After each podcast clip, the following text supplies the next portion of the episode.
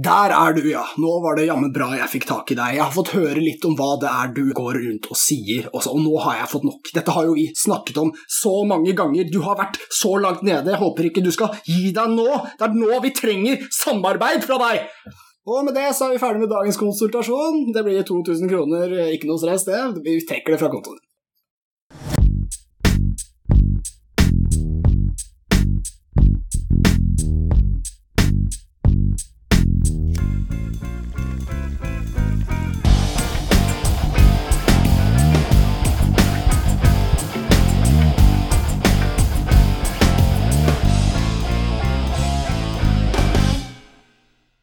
Yes, velkommen alle mine utsvevende damer og dypt avhengige herrer til en ny episode av Podcast om rus. Jeg er Bøffert Fusk. Jeg er Per Ståle Og hvis jeg kanskje skremte deg litt, grann, kjære avhengige person, så var det bare fordi vi skal snakke om addiktologi i dag, og jeg prøvde å imitere det de driver med, da. Ja, for i dag så skal vi teste et sånt nytt, fint uh, og edgy konsept. Vi har jo sett på uh, andre podkaster at de gjør det jævlig skarpt på true crime-sjangeren. Mm. Og så vidt vi har skjønt, så er den beste måten å gjøre det på, og det som egentlig gjør at true crime er en veldig god sjanger, er at du kan, du kan rett og slett bare basere deg på andres research, og så kan du slenge på noen kommentarer sjøl, og så er det rett og slett spenn i kassa. Ja. Uh, så ja, la oss bare grovt utnytte VG sin snart prisbelønte journalistikk.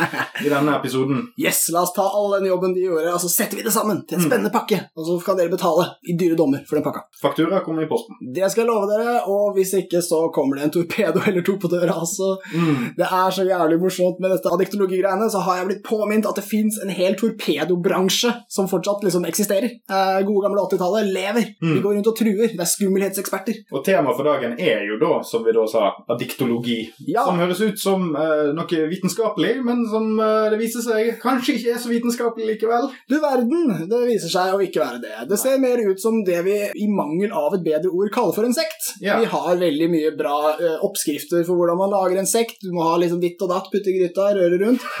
Det har jammen denne lederen gjort, denne karismatiske, sterke lederen fra diktologene. Han har jammen gått eh, et kurs eller to i, Mm. i hvordan man starter en sekt, men i stedet for eh, sektskapning så har de kalt dette faget for addiktologi. Ja, og noe sånn at lytterne ikke skal ramle helt av lasset allerede i begynnelsen her, Nei. eh, så er det jo kanskje de mest medievante her har jo da lest disse artiklene på VG om addiktologi, som er Mm. veldig bra researchet, og de har intervjuet masse folk. Har det. det, har det. Eh, Men vi får bare ta det litt sånn fra børjan av, og så får vi kanskje rett og slett ta og linke disse artiklene i the description below, som man pleier å si på fagspråket. Ja. Dersom jeg husker det eh, etter at vi har uh, gjort denne episoden klar, så vil det mest sannsynlig være noen kilde Det- eh, i din podcast-app rett under uh, Joe Rogan, Toke, DNT sammen med MMA-kompisene sine. Ja, definitivt. Vi må, vi må minne folk på altså Det er ikke sikkert alle har lest disse sakene, og dette er jo da en liten recap. Det er mulig vi, mulig vi glemmer noen viktige ting, men det er ikke så viktig, fordi dette er true crime, og da glemmer man masse viktige ting. Mm. En liten precap, kan du si. En Ja. liten ramme for det hele. Det var en sak i hvert fall nå før eh, jul, Mm. uh, som uh, var bare en gjennomgang av sakskomplekset. Og så har det kommet noen nye artikler nå i nyere tid, siden omtrent når vi hadde en liten pause nå for noen måneder siden. Mm. Uh, Så dette er jo veldig nytt for oss, i hvert fall. Og det er en spesiell ting med sakskomplekset Ja. som illustrerer en del ting som vi er veldig opptatt av her i redaksjonen, i hvert fall. Fordi du nevnte, Buffett, når vi satt og snakket om dette før, at dette addiktologi som konsept har jo en del forgreininger til utlandet. Verden, Ja. Verdens største land. Ja, det stemmer. Eh, Det er, vi har tidligere vært inne på litt kritikk av det som heter Karolinska instituttet i eh, Sverige, og det er jo en veldig stor eh, skole. Forskningsinstitutt, masse forskjellig. Men så vidt jeg har skjønt, så er det folk som har gått der, som har lært mye rart om rus. Svensk rusvitenskap og politikk er helt unik. De sier ting som ingen andre sier. De har startet addiktologi, og de har da et eget uh, Altså, dette er jo da en vitenskap de finner på. Altså, det å kalle noe for en logos uh, bare fordi du syns det er det, det er egentlig ikke lov. Og så har de startet et slags universitet, da, så de kan utdanne addiktologer. Mm. Og det er da en svensk ting. Mm. Og vi har da denne aktøren som er eh, selve edderkoppen i, i den saken vi skal snakke om i dag. Det er da han som heter Espen Andresen. Han har sin utdanning fra Sverige, fra dette første diktologiakademiet, eller hva det nå heter. Mm. Han har i hvert fall lært masse rart der, og så har han dratt hjem og startet sitt eget. Og det heter Adiktologiakademiet, og forkortelsen er utrolig nok AA. Som også er verdens største rehabiliteringsorganisasjon. Anonyme alkoholikere. Utrolig nok så valgte han de samme initialene. Jeg, jeg tror ikke det er tilfeldig at han valgte initialene til den største aktøren på feltet han har lyst til å jobbe. Nei, fordi om det er noe som uh, går litt sånn igjen med disse her Han er jo vår Pablo Escobar oppi dette her. Ja, visst er han det. I vår uh, lille true crime special. Og, og nå er det jo kanskje Nå sitter jo kanskje Espen Andresen, dersom noen har uh, sendt han en link til denne episoden, så sitter jo han kanskje og klør på mobiltelefonen sin etter å sende en, en bamsefar på døren for å filleriste oss litt. Ah, Bamse Brumlesen kommer inn døra any moment. Mm. Men ja, Og, og det er jo fordi at det høres litt injuriende ut å si at dette her er crime. Er det han Har han egentlig begått noen forbrytelse? Og jo, jeg vil si at han har begått forbrytelse mot fornuften, mot eh, sikkert en del eh, økonomisk snusk. Det er manipulering av mennesker i svake eh, posisjoner. ja, ja, ja. Arbeidsmiljølovbrudd. Mye, mye, mye å ta tak i. Det er veldig mye. Altså, en, altså, det er åpenbart flere etiske overtramp enn juridiske. Mm. Samtidig så tror jeg vi i en oppsamling kunne hatt uh, mer enn nok til å dømme til en fengselsstraff som hadde vært ganske lang. Men hvis uh, Espen Andresen hører på, så vil jeg bare si det er ingen grunn til å sende torpedoer på vår dør. Vi har ikke tenkt å vitne mot deg i retten eller noe sånt. Vi er bare en true crime spesial podkast-redaksjon som uh, sier vår ekstremt objektive og sannferdige mening. Og så vil jeg for så vidt si at det skal godt gjøres å sende en torpedo til en anonym dør.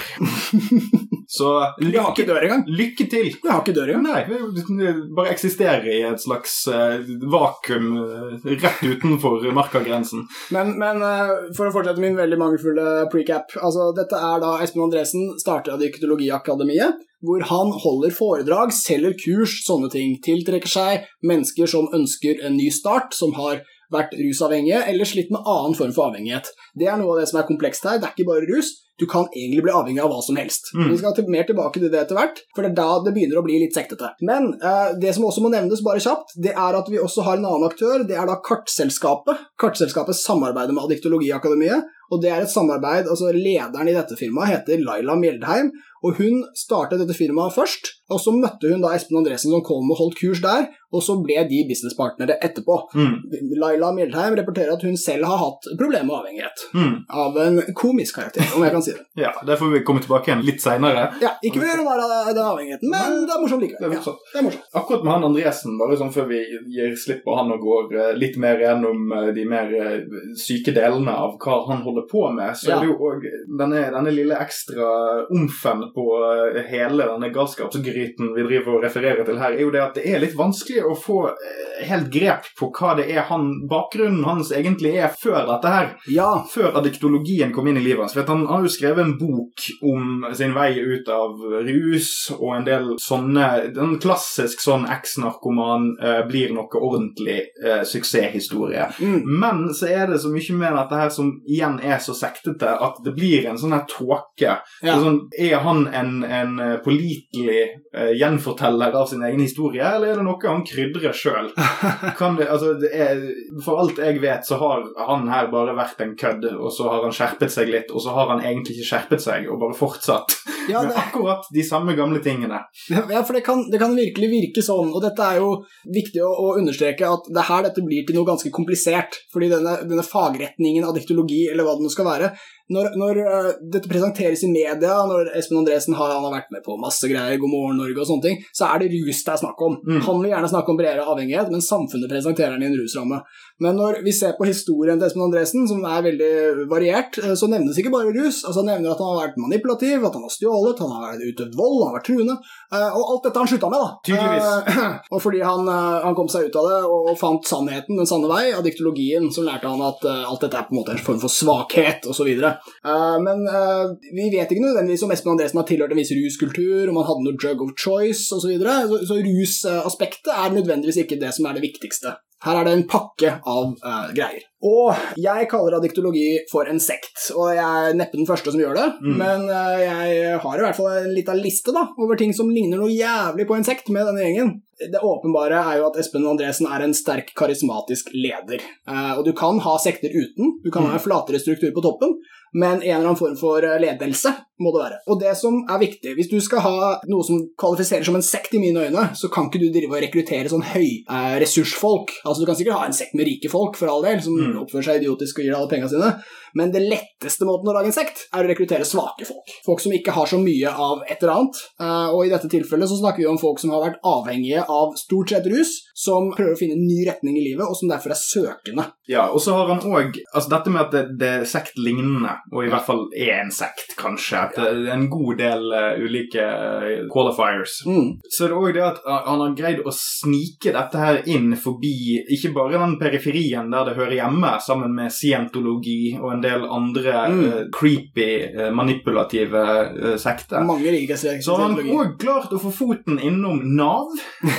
Og våre gamle venner i Norsk narkotikapoliti. Jaggu faen. Og det jeg syns er litt sånn snedig med dette fordi at La oss nå gå bitte litt tilbake og si hva, hva er det han gjør? Jo, han tilbyr kurs om avhengighet. Og da sitter det en eller annen mellomleder i Nav og en veldig aggressiv politibetjent i Norsk Narkotikapolitiforening og ser at ja, ok, han her er tidligere narkoman, han har street cred, og nå, nå har han jommen meg blitt eh, millionær av å, å gjøre denne greien sin. Ja, men det er, det, det er jo mer enn godt nok det for at jeg skal bruke en del av mitt veldig, veldig uh, romslige budsjett Ja. til å hanke han inn og holde et kurs for disse her jævla Nav-døgeniktene som ikke klarer å skjerpe seg og komme seg ut i arbeid. Da skal jeg hente inn en av deres egne, så kan han fortelle dem hvordan de må skjerpe seg. Og Ja. han politifyren har sikkert tenkt på akkurat samme måte.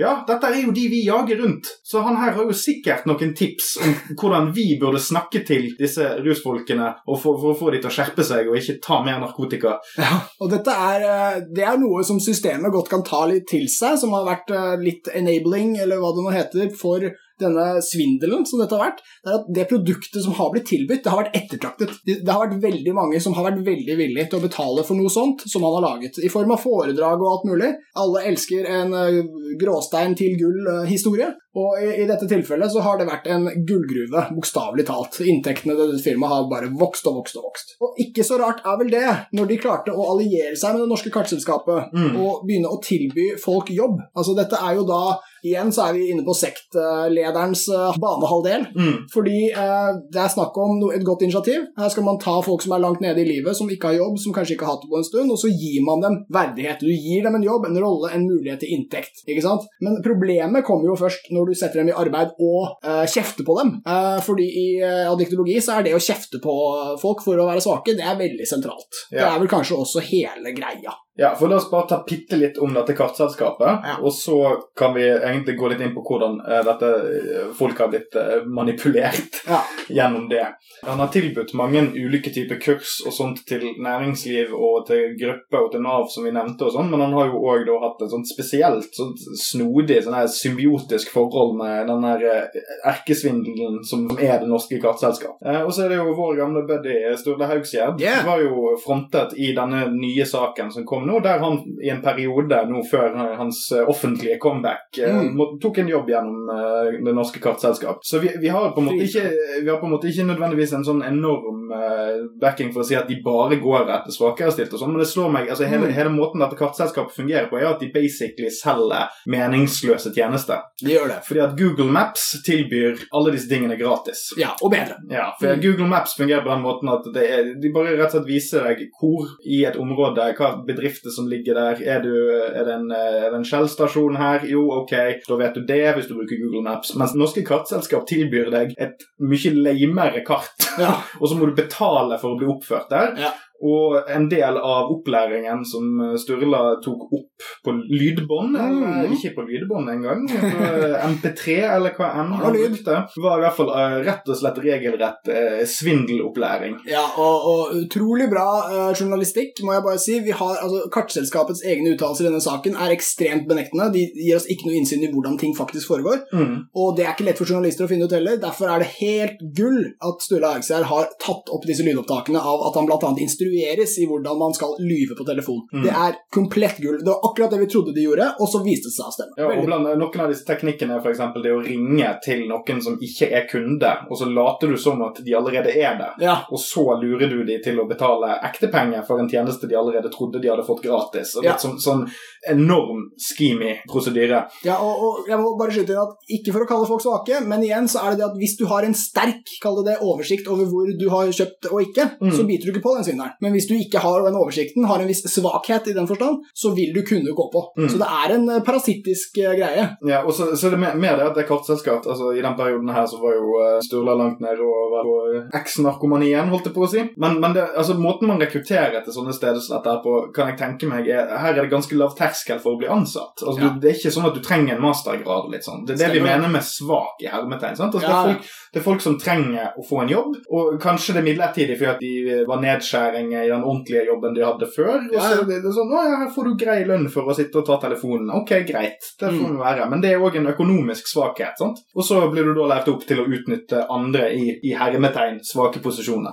Ok, men vi må bare ta litt mer om altså, sammenhengen mellom Andresen og Mjeldheim her. Mm. Fordi Mjeldheim har jo da som sagt startet eh, selskapet, og så har Andresen foredrag hos henne, og så får hun da hjelp med sin eh, utsvevende livsstil. Eh, vi har et sitat som, eh, som er at det hun levde med, var et utsvevende liv med pornografi og utroskap. Ja, og det er jo veldig såsig og Det- saftig. Det er det. Det er litt av et sitat. Det Ja. å leve med pornografi. Ja, altså Lagde hun det? Solgte hun det? Det utsvevende. er, er det VHS? Er det, Det det Blu-rays? Hvem vet? Jeg tror det er et sitat som vitner om at, at det er mye som er gærent. Ja. Altså sånn som porno. Ja, noe, noe som liksom det var, bare, det, å- det, å referere til det viser at dette var jo ille. Det, det blir ikke stort verre enn utroskap og pornografi. Ja. Sjøl når vi driver og snakker om narkomane og rusavhengighet og avhengighet til andre mennesker. Ja, ikke sant? Så man ser jo at det er veldig mye mer enn rus som er uh, problematisk i forhold til avhengighet her. Mm. Men uh, likevel er rus noe sentralt. Som nevnt så er det den konteksten uh, Andresen stort sett opptrer i. Og Laila Mjeldheim, som da drev kartselskapet, driver det fortsatt. I 2013 eh, så bestemte hun at alle selgerne hennes måtte gå i terapi. Mm. Og vi kan jo da anta hvem som var terapeuten der. Mm. Eh, samtidig så bestemte hun at kartselskapet skulle bli Norges første rusfrie bedrift. Mm. Og dette er ganske stilig ambisjon. Den første rusfrie bedrift. Da sier du at alle de andre har rus i seg. Ja. Alle de andre bedriftene. Og da er det også eh, samtidig at Melheim begynner å rekruttere nye medarbeidere blant rusavhengige. Mm. Og da igjen så får de verdighet og alt dette her. Og dette er det VG som har avslørt, og vi som siterer. Og eh, det snedige her er jo da at hun, hun får jo da bukt med sine problemer gjennom et møte med eh, Andresen. Ja. At, at han hjelper hun til å skjønne at hun har et avhengighetsforhold til utroskap og pornografi. Og porno. Ja, til ja det, det, vi, det må vi bare anta at hun, hun møtte seg sjøl i døren når han kom og filleristet henne mentalt og verbalt, regner jeg med. Det funka. Eh, og så, så er det denne greia med Det er ikke nødvendigvis sånn at på papiret så er dette så forbanna forferdelig. Men hvis vi da går ut ifra at Mjeldeheim skammer folk med å tilby de meningsløse tjenester som hun tar jævlig mye cash for, og hun lever et jævlig godt liv på toppen her, i tillegg til at hun lønner x antall ansatte, Mm. og så rekrutterer hun eh, folk som har vært down under luck, Mm. og så går overskuddene av denne skimen her til å betale for eh, kurs hos Adiktologiakademiet. Ja. Og det er todelt, selv om du egentlig skulle kalt det Adiktologiakademiet i ett, så er det da to ord, og det er stor bokstav i akademiet, og da burde varsellampene begynne å blinke hos alle oppegående mennesker. Det er ikke bra når noen kommer og forteller deg hva du skal gjøre med livet ditt, men så klarer de faen meg ikke å lage logoen sin skikkelig engang. Nei, ass. Og det er viktig å få fram her, fordi i VGs avsløringer, som er knallgode, kan ikke få sagt det nok, så kommer det ganske fram at disse to er businesspartnere, og at de har en slags felles greie gående. Og det er definitivt sant, men vi må understreke at det er ingen vei utenom Espen Andresen her. Mm. Det er han som får Laila med, og han sitter som edderkoppen på toppen av pyramiden. Det ser rart ut, at det er en edderkopp der, men sånn er det. Og uh, når Litt sånn Kutulu-aktig. det, det er han i hvert fall. Eh, når, når alle de ansatte enten kommer fra et kurs eller må ta kurs, så innebærer dette også at disse kursene i stor grad uh, handler om å snakke om personlige ting. Og da flaue ting, dype ting, mørke ting. Og da har vi eh, et, eh, en ganske kjip clusterfuck der allerede, hvor du har en sjef og en inntektsgiver og en kompis eller mentor eller hva enn Andresen er, som vet alt om deg, Mm. som har masse dritt på deg. Og gang på gang så er det jo din egen skyld hvis denne behandlingen ikke fungerer. Mm. Du må kjøpe flere kurs, det er dine penger som må brukes. Eventuelt så trekkes de av lønna di fra kartselskapet, så du betales på en måte i kurs, og så er det ikke du som bestemmer om du trenger dem. For å bare ta litt om metode, for det er det som er litt sånn snedig her. Det er litt vanskelig å få helt grep på hva slags eh, begrunnelse Andresen bruker for hvordan han har kommet frem til disse konklusjonene, eller hvem som har fortalt han det. Men det virker som om at hovedtesen er at alle er avhengig av noe. Det er, om det ikke er alkohol, så er det relasjonen din til andre mennesker. Ja. Det er at, at du er en negativ påvirkning på din sønn, eller at din sønn er en negativ påvirkning på deg. Ja. Og så kalles disse gjerne da medavhengige. Altså Det er folk som er med på å holde deg i et negativt space. Ja. Og jeg nevnte scientologi litt i sted. Yes. Eh, og det er to ting med dette her som er veldig scientologiaktig. Det ene er dette her med at du skal åpne deg så jævlig. Ja. Fordi Andresen står og har et stort fellesmøte med alle de ansatte på kartselskapet, og det- du blir krevd i plenum, og det er sosialt press om at du må åpne deg Mm. og fortelle om skitne hemmeligheter som du kun har holdt for deg sjøl, fordi det er gruppepress, og du er redd for å miste jobben. Det er masse masse sosiale faktorer som gjør at du er svak i den settingen, og rett og slett bare stole på at dette er en profesjonell person som vil, vil deg vel og vil hjelpe deg. Det ligner veldig på scientologi, for i Ja. scientologi så har man sånne auditing, som det kalles, altså Mm. som egentlig er bokettersyn. Okay, det, det er i hvert fall noe tilsvarende på norsk. Ja. Men det, det er òg en sånn situasjon der du sitter og forteller om livet ditt til en annen scientolog, og så noterer han alt, og så blir alt tatt opp på tape. Mm. Og når du neste gang har hatt en eller annen slags relapse i scientologiutviklingen din, så blir du konfrontert med Ja, men du, du er jo interessert i mennene. Har du jobbet med at du er homo, eller? Har du, altså, det, dette er jo noe som holder deg tilbake i din scientologiutvikling. Og akkurat det samme skjer her med at avslører du noe til en sjarlatan, så Mm. kommer han til å bruke det mot deg når han ser at du holder på å vike. Ja. Så neste gang en eller annen person i et eller annet møte sier til Andresen at nei, jeg er ikke helt enig, sånn, så, så kommer han til å dundre på tilbake igjen. Ja, men du, å, alle disse tingene, du er så avhengig av disse elementene. Du, er, du regresserer, du er nødt til å kjøpe flere kurs. Og så er det den andre tingen som Ja. er tilknyttet scientolog, og det er at i scientologien så har du noe som kalles suppressive persons. ja. Eller SPs, eller Mm, det, det, er no, ja, det er noe sånt. Riktig. Og det er personer rundt deg som er negativ påvirkning på din personlige utvikling. Yep. Det at, at du er på en sånn quest for å oppnå glory, og så er det andre som kommer og trykker deg ned. Og da er løsningen i scientologien at nei, du må bare kutte ut de folkene, for de vil deg ikke vel. Mm. Eh, og da isolerer du personen. Da sørger du for at de eneste som eh, angivelig bryr seg om deg, det er andre scientologer. Ja, Og dette fungerer på akkurat samme måte. Det er isoleringstaktikken. det er det. Hvis du først har fått foten innom addiktologien, så er du en melkeku som han har lyst til å beholde for evig tid, og da er den sikreste måten å gjøre det på, er å få deg til å tvile på absolutt alt i livet ditt. Alt annet er farlig, bortsett fra addiktologi. Og det er eh, Altså, jeg er fascinert av sektledere. Jeg må si det. Eh, En slags, eh, Det mest fascinerende jeg vet om, er Jim Jones, grusom person. Det jeg har lært, er at en, det en sektleder er mest hypp på, det er at han har et veldig solid og sterkt verdensbilde, og så vil han at andre skal dele det. Han skal spre bobla si inn i andre folk. De blir på en måte litt sånn droner for hans hjerne. Og uh, i dette tilfellet snakker vi om at uh, hvis familien din, som ofte er din næreste støtte, gjør, sier noe galt, gjør deg avhengig, så skal du på en måte ditche dem også. Mm. Jeg vet ikke om det har skjedd så mye konkret, men vi vet at dektologene er i hvert fall villige til å si at familien din er en del av problemet. Mm. Og da går man veldig, veldig langt. Og inntrykket mitt er at enten må du ta de med på kurs, Ja. eller så må du anerkjenne at de undertrykker deg. Altså det er sånn, Enten må du dra de med inn i kulten, Ja. eller så må du ditche det. Og det viser jo da at man kan bli avhengig av alt. Du kan bli avhengig av familien din, du kan bli avhengig av holdt på å si, du, du puster feil, du er Mm. avhengig av pustefeil. Alt kan være problematisk avhengighet, bortsett fra addiktologi. Mm. Altså det, det stedet du drar hver dag, de folka du snakker med, de folka du gir pengene til, de blir du aldri avhengig av. Den avhengigheten er aldri problematisk, gitt. Og denne ufeilbarligheten den dukker først opp etter hvert, når Mm. du er for langt inn i det til å oppdage det. Mm. Men fra utsiden så ser det helt sjukt ut. Det er, det er rett og slett noe man bør være veldig veldig obs på hvis man er i en sårbar posisjon. Det er da det er vanskelig. Men med en gang noen forteller deg veldig mye sterke ting, og så er de selv i en ufeilbarlig posisjon, så har de allerede eid deg. Da Mm. er du allerede litt deres.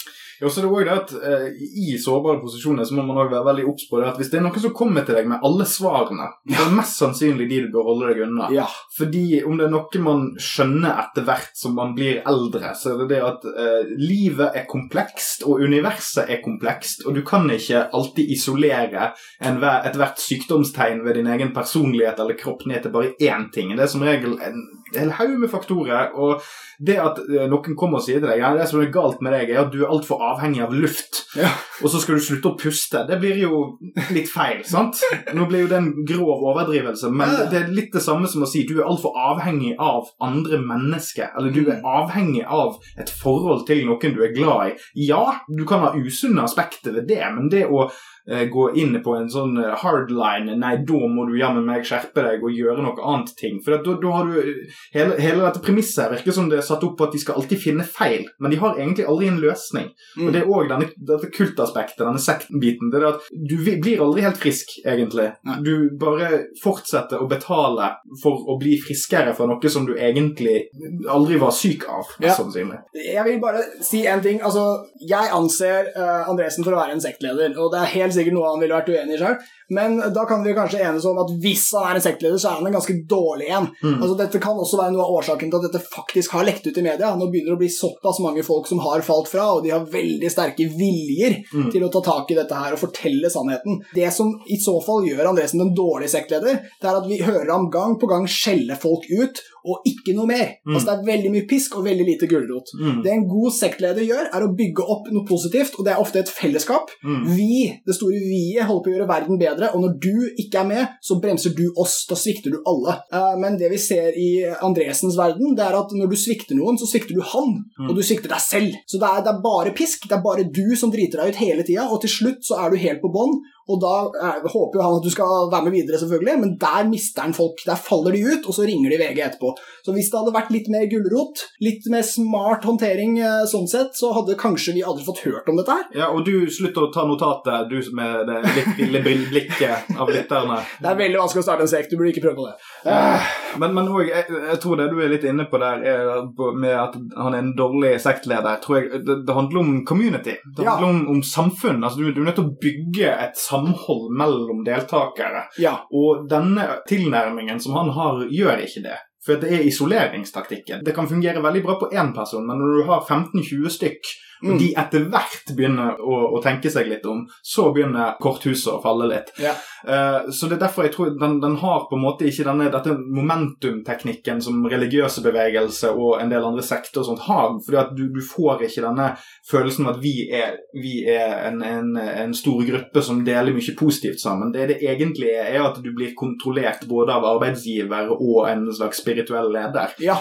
Du blir, ikke, du, blir ikke, du blir ikke kokt sammen med de andre deltakerne på samme måte som Jim Jones holdt på med før Nei. alle tok livet av seg i Guyana. Nei, han, var en, han var en fyr som var ekstremt god på å veksle gulrot og pisk, og de, de Mm. beste er det. ikke sant? Men jeg har, altså, bare for å få med at det har vært noe kollektiv her også. altså De har disse møtene hvor du skal møte opp, og hvis du ikke kommer, blir de andre skuffa. og Mm. Det er på en måte en liten flokk der, men i VG-saken så kom det også fram eh, historier om at de skulle ha en sånn julebord, og noe sånt, og så møtte de opp på et eller annet hus som de eier ute i Åros, som ligger borti ja, hva blir det, borti Asker omtrent. da. Og uh, Der ble det veldig mye fokus på at mange deltakere ikke syntes det var så jævlig inkluderende. Det var ikke så koselig. Du måtte betale for alt. Du måtte betale for mat og for overnatting, og Espen Andresen var ikke der. Og, og masse sånne ting. Og da blir det og Det var et par sånne av disse torpedoene som, som ofte er litt sånn store og ikke alltid lager så god stemning. Du får bare ikke etablert dette kollektivet. Eh, og hvis du hadde hatt et stort styre av folk som styrte Teologiakademiet, eh, La oss si at det var en ti folk, da. Så Mm. kan hende de hadde funnet på noe smartere enn dette her. Eh, men det er kanskje også noe av svakheten til denne lederen. Eh, han har ikke klart å bygge opp et fellesskap. Han virker jo som en ekstrem individualist selv. Det er ikke sikkert han forstår så mye av det. Men jeg går for sekt, da. Jeg sier det. Men et spørsmål som er sentralt her, er liksom hvordan kunne dette skje? Vi Mm. er i Norge, et rikt land. Vi er i 2018, som er eh, relativt nytt, eh, ville jeg sagt. Eh, Nytt av året.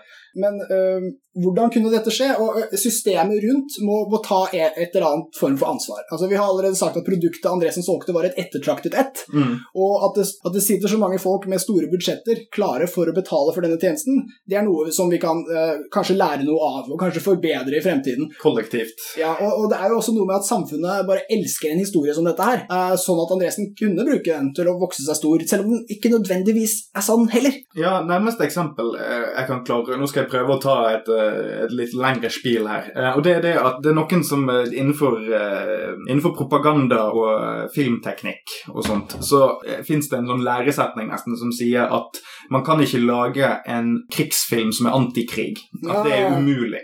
Okay. Fordi lytterne lytteren har sikkert sett Apocalypse Now eller Platoon eller Full Metal Jacket. Sant? Altså, Det er Mm. filmer som handler om hvor fælt krig er, og at mennesket blir knust. Altså, du, du kommer ikke hel hjem igjen fra det der. Det er no noe som, som destruerer det menneskelige i deg. Det, det dreper en ting i deg selv om du overlever. Men samtidig så er det veldig veldig fine scener med angrepshelikoptre og napalm og veldig estetisk eh, bruk av våpen. Altså, du, en, en person som er veldig glad i krig og vold, vil få noe ut av den filmen på samme måte som en antikrigsperson vil få noe ut av den filmen. Ja.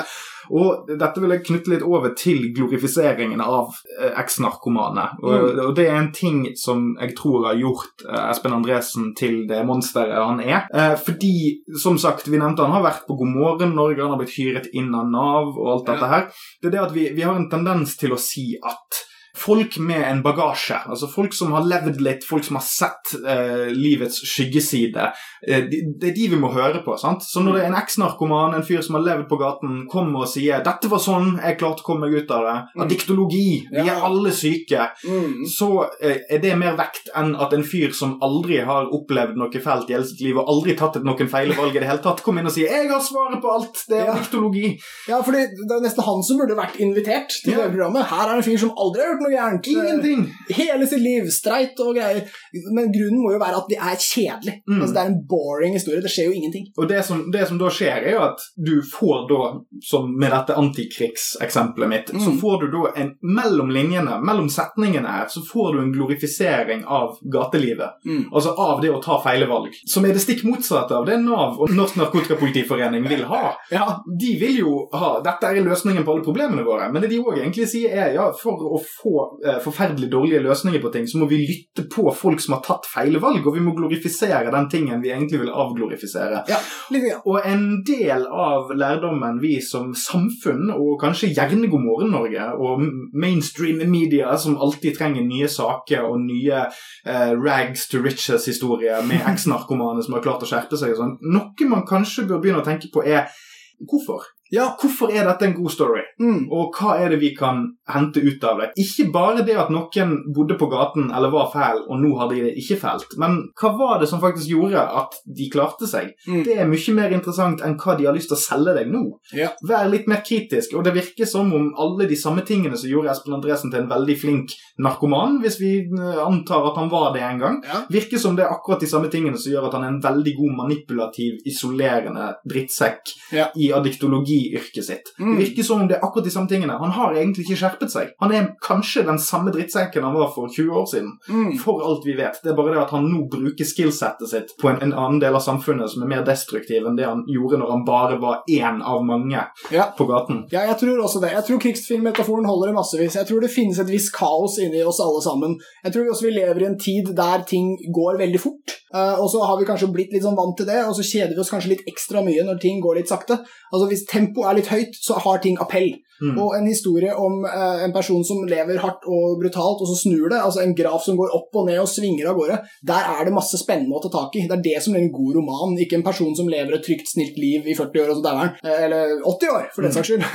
men men vi, vi trenger en viss grad av underholdning, vi trenger en viss grad av utfordring, men det må ikke være for mye. Det må ende opp på den gode siden. Og det, det, har- der er han servert det folk ville ha. Ja, ikke gi folk en get out of jail free card for galskapen de spruter ut bare fordi at de har hatt et tøft liv. Nei, altså De kommer jo ofte fra en lang sti av ofre. Mm. Altså, det, det kan jo godt hende at uh, noen eh, som ikke har lagd noen ofre, hadde hatt vel så gode råd, Mm. selv om de hadde vært kjedeligere. Ja, og igjen, det er greit å være eks-narkoman, og det er langt ifra alle eks-narkomane som er fæle folk. For all del. la oss være litt mer kritiske til noen av disse stemmene. Det er ikke bare gode stemmer som kommer ut fra dette. her. Nei, det er ikke det. Og jeg sier ikke at man heller skal begynne å intervjue jævlig mange kjedelige folk, men av og til så må vi passe oss for hva vi syns er spennende. Av og til så burde vi kanskje tenke litt over hva som er, hvem som er verdt å høre på. Det kunne i så fall bremset denne galskapen litt tidligere med en viss eh, grad av selvkritikk på det der. Yes, og nå føler jeg vi har vært greit gjennom uh, diktologene. Greit, det var kanskje en kaotisk fremstilling av det de har drevet med, men vi er mer opptatt av de bakenforliggende tingene, og derfor så kjører vi en solid avrusning i dag for å få fram hva dette egentlig handler om. Avrusning! Ja, og jeg, jeg kan egentlig åpne her med eh, noen betraktninger som jeg har i hvert fall gjort meg angående hvordan Andresen oppfører seg, og teknikkene han bruker som angivelig skal gjøre deg mindre avhengig. Men det han gjør, som jeg nevnte flere ganger, og vi har nevnt flere ganger nå, er det at han gjør egentlig det motsatte av det som begynner å komme fram eh, gjennom forskning og eh, studier. Mm. han gjør det motsatte av det som er eh, den positive tilnærmingen. Det han gjør, er at han isolerer mennesket. Han, teknikkene hans gjør at du blir isolert, og du har ikke noe annet støtteapparat enn adiktologi. Mm. Ideelt sett, den, den beste løsningen for deg er at du bare betaler masse penger, og så bruker du disse her teknikkene, og så skal du på en eller annen måte bli fri en gang i fremtiden. Ja. Når Espen Andresen er død, mest sannsynlig. Men det som eh, Johan Hari har skrevet en veldig god bok som heter Lost Connections, som Mm. handler om depresjon først og fremst, men den har jo òg gått ut fra den forrige boken hans som heter Chasing the Scream. Ja. Der han har sakte, men sikkert bare bygd opp et argument som ikke er hans eget, men Mm. som han har lånt fra veldig mange eh, gode forskere som vet hva de driver med. Mhm. Det er det som tyder på at altså, det, som, det som fører til rusavhengighet, f.eks., Ja. det er det at du, til en viss grad i hvert fall, er at man er alene med seg sjøl. Noe av det lureste man gjør når man er alene og sliter med noe, er å, å prøve å, å oppnå meningsfull connection med andre mennesker. Mm. Eh, Det folk ofte gjør når de holder på å bli rusavhengige, er at istedenfor å si 'jeg sliter', eller kanskje de ikke skjønner at de sliter, Mm. det er at de bytter ut den relasjonen med et rusmiddel, fordi at da føler du deg i hvert fall eh, bedre en liten snakket stund, og så kan det ha en negativ utvikling. Ja. Så hvis du skal ut av det, hvis du er rusavhengig eller nettopp har blitt vært på avrusning, så er noe av det verste du kan gjøre, er å gå inn i adektologi og Ja. bli isolert enda mer. Mm. Og få beskjed om at ingenting du tror om verden, er riktig. Ja. Det fremstår som noe helt annet enn egentlig. Ja, Du må ikke stole på folk som er glad i deg, for de vil bare trekke deg ned i sølen sammen med dem. Ja, og Jeg husker et sitat fra Harrys bok, og det er at det motsatte av avhengighet er ikke rusfrihet, det er tilhørighet. Mm. Og Dette er et flott sitat. Det blir jo også dessverre litt vagt, men for å si det, altså når han mener tilhørighet, så mener Harry sosial tilhørighet. Mm. Og Grunnen til at sosial er bra, det er at sosiale tilhørigheter og faktorer de er flytende. Jeg vet det er veldig mange som blir litt stressa av det, jeg skulle ønske det var mer realfaglig, men det sosiale det er en kaosarena. Du kan connecte deg til folk, så kan du disconnecte osv. Det viktigste er å få et godt nettverk, noen gode folk. Adiktologi later som de byr på det, men det gjør de jo da selvfølgelig ikke. Og det jeg vil understreke, altså Alle mennesker er avhengig av noe hele tida. Og vi kan bli mer avhengig i morgen enn vi var i går, og vi må alltid passe veldig på. Men det som er problemet med avhengighet, er ikke avhengigheten i seg selv, men strukturene Mm. som oppstår rundt avhengigheten. Vi kan alle bli stuck i vanene våre. Det som var, ga oss en stor fordel i går, kan være noe vi trenger i morgen. Og dette er veldig viktig for oss å være veldig obs på. Det du trenger da, det er variasjon fra strukturene dine. Hvor enn du er i livet, hva enn du gjør, miks det opp. Mm. Og da er adiktologi er en struktur i seg selv.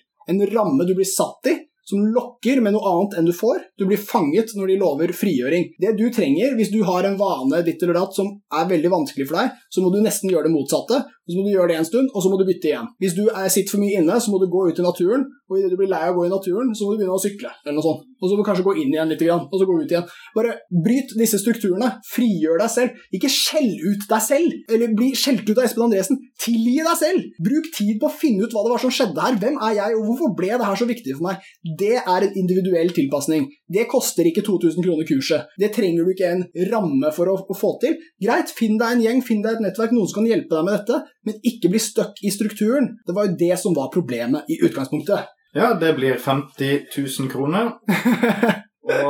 Ikke, ikke bekymre deg over om du har de pengene eller ikke. Vi sender vår gode venn Bamse Brumlesen på døren neste uke. Eller kanskje Du vet aldri helt når han kommer, egentlig. Og Torpedobamse, han vet ikke hva du har gjort. Han vet bare at noen har kødda med Laila, så han er fly forbanna. Bare, bare gled dere. Men nå har dere fått løsningen, i hvert fall, så jeg regner med at dere alle er rusfrie herover. Ja, dette var et engangskurs, rett og slett. Yes. Dere trenger ikke å takke oss. Vi kommer og skjeller deg ut når du minst venter det. Podkast om Rusakademiet åpner i i 2020, og det blir enda dyrere enn alle de andre.